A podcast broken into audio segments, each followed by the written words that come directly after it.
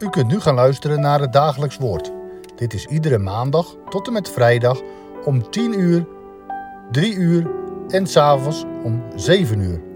Deze meditatie wordt verzorgd door dominee Guit.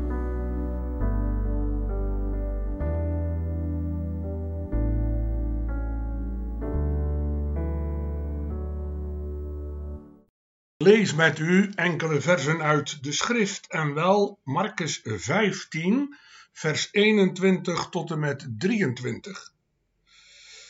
En zij dwongen een voorbijganger, Simon van Cyrene, die van de akker kwam, de vader van Alexander en Rufus, dat hij zijn kruis droeg.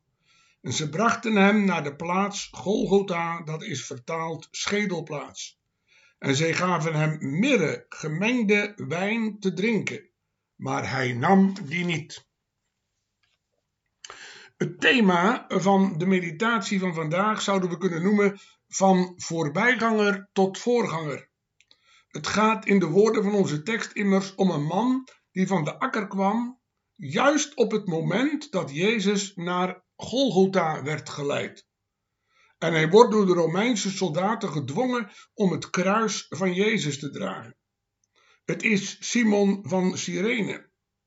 Ongetwijfeld is de geschiedenis ons bekend. De zaligmaker is gevangen genomen in Gethsemane, vervolgens vals beschuldigd toen hij zich moest verantwoorden voor het Sanhedrin en daarna tot de kruisdood veroordeeld door Pilatus. Hoewel deze heidense stadhouder geen schuld in hem vond, maar hij bezweek onder de druk van de Joden. Zij eisten, opgestookt door de Fariseërs en de overpriesters, de kruisdood. En ze verkozen zelfs Barabbas boven Jezus. Pilatus ging door de knieën en liet Jezus naar de kruisheuvel brengen. En dan lezen we in vers 21 van Marcus 15. En zij dwongen een voorbijganger, Simon van Cyrene, die van de akker kwam, de vader van Alexander en Rufus, dat hij zijn kruis droeg. Simon komt argeloos van de akker, wellicht omdat hij daar gewerkt heeft en wordt dan opgenomen in de stoet die optrekt naar Golgotha. Alleen, als de Romeinse soldaten hem zien, dwingen zij hem het kruis van Jezus te dragen. Waarom dat was, is niet geheel duidelijk. De meeste uitleggers gaan ervan uit dat Jezus onder het kruis dreigde te bezwijken. En dat de Romeinse soldaten daarom iemand anders gebruikten om het kruis te dragen. Want ze wilden dat Jezus wel aan het kruis stierf. Andere uitleggers gaan ervan uit dat de Romeinse soldaten een wreed en sadistisch spel met Jezus speelden. Hij had toch gezegd dat hij de koning der Joden was? Welnu, een koning heeft onderdanen. Laat dan een onderdaan maar het kruis voor hem dragen naar Golgotha. Hoe dit verder ook mogen zijn, Simon werd gedwongen om het kruis te dragen.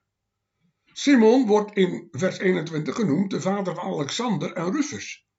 Kennelijk waren dat voor de lezers van het Evangelie van Marcus bekende namen. En het is mogelijk dat Marcus hen noemt omdat dat christenen waren die in Rome woonden. Het ligt dan ook voor de hand dat Rufus dezelfde is die door de apostel Paulus in Romeinen 16, vers 13 wordt genoemd. Daar zegt de apostel: Groet Rufus, de uitverkorene in de Here, en zijn moeder en de mijne. In elk geval worden de namen Alexander en Rufus niet zomaar genoemd.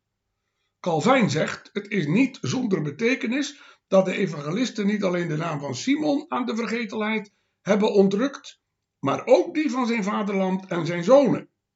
Ongetwijfeld was het Gods wil ons door dit voorbeeld te leren dat onze heerlijkheid en roem vruchten van het kruis zijn, omdat wij in onszelf geen waardigheid of eer bezitten. Intussen lezen we verder. En zij brachten hem naar de plaats Golgotha. Dat is vertaald schedelplaats. Golgotha is een Aramese woord dat schedel betekent. Waarom die plaats zo genoemd wordt, kan zijn omdat de heuvel Golgotha de vorm van een schedel had. Het kan ook zijn dat daar veel schedels begraven lagen en dat het een plaats was waar misdadigers werden terechtgesteld. In dat geval wordt werkelijkheid wat Jezaja al geprofeteerd had. Jezaja had immers gezegd, hij is met de misdadigers gerekend. En Jezaja voegt er nog aan toe, en hij is bij de rijken in het graf geweest. Dat is ook werkelijkheid geworden. Want Nicodemus en Jozef van Arimathea hebben voor de begrafenis van Jezus gezorgd. En hij is uiteindelijk gelegd in een nieuw graf dat in de rotsen was uitgehouwen. Verder is het bekend dat Jozef van Arimathea een rijk en bemiddeld man was. En dan lezen we dat de Romeinse soldaten hem wijn gaven met mirre gemengd. De evangelist Matthäus zegt, ze gaven hem wijn met gal gemengd. Het was dus wijn met een bittere smaak. Over de vraag waarom de soldaten hem wijn met mirre gemengd gaven, zijn de meningen verdeeld. Sommigen menen dat door de toevoeging van mirre het opwekkend effect van de wijn werd versterkt. Anderen menen juist dat deze drank bedoeld was om verdoving te bewerken. In elk geval, Jezus neemt er niet van. En als het was om hem te verdoven, om met name de pijn te verdoven, en daarmee ook zijn hele situatie van het verstand en het bewustzijn te benevelen, dan wilde Jezus dat niet, omdat hij heel de lijdensweg in volle bewustheid wilde gaan. En dat is ook gebeurd. Want hij heeft ons zeven kruiswoorden nagelaten. Als een geestelijk testament. Het eerste begint met Vader. Vader, vergeef het hun, want ze weten niet wat, hij, wat ze doen. Dat zei Jezus ten aanzien van de Romeinse soldaten die hem gekruisigd hadden. Het laatste begint ook met Vader. Vader, in uw handen beveel ik mijn geest. En daartussenin weer klinkt het machtige woord: het is volbracht. In het Grieks maar één woord. Is dat voor u al het fundament van uw zaligheid geworden? Dat Jezus heeft mogen uitroepen: het is volbracht. En dat u door het geloof op dit middelaarswerk van de zaligmaker heeft leren rusten, daar komt het wel op aan.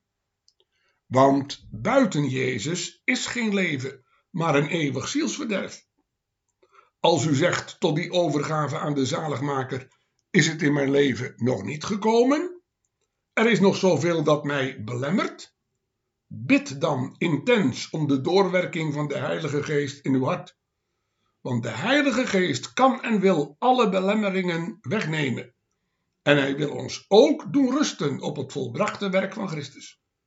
En wanneer dat in ons leven gestalte krijgt, gaan wij ook leren ons kruis te dragen. In de navolging van Hem. Het kruis van de smaadheid om zijnentwil. Het kruis van de moeite en het verdriet van dit aardse leven. Maar dan worden wij er ook van overtuigd, na het kruis volgt de kroon. En na de strijd volgt de overwinning. Amen. Zullen we samen bidden? Heere, trouwe en barmhartige God, wij danken u ervoor dat we naar uw woord mochten luisteren en dat we de Heere Jezus mochten volgen op zijn lijdensweg. Wat is die lijdensweg diep geweest? En wat kunnen wij er ons alleen maar over verwonderen dat Hij die weg bewust en vrijwillig is gegaan om verloren mensen te redden van het verderf. Maar wat zien we daarin ook de diepte van de zonde en de zondeval eenmaal in het paradijs.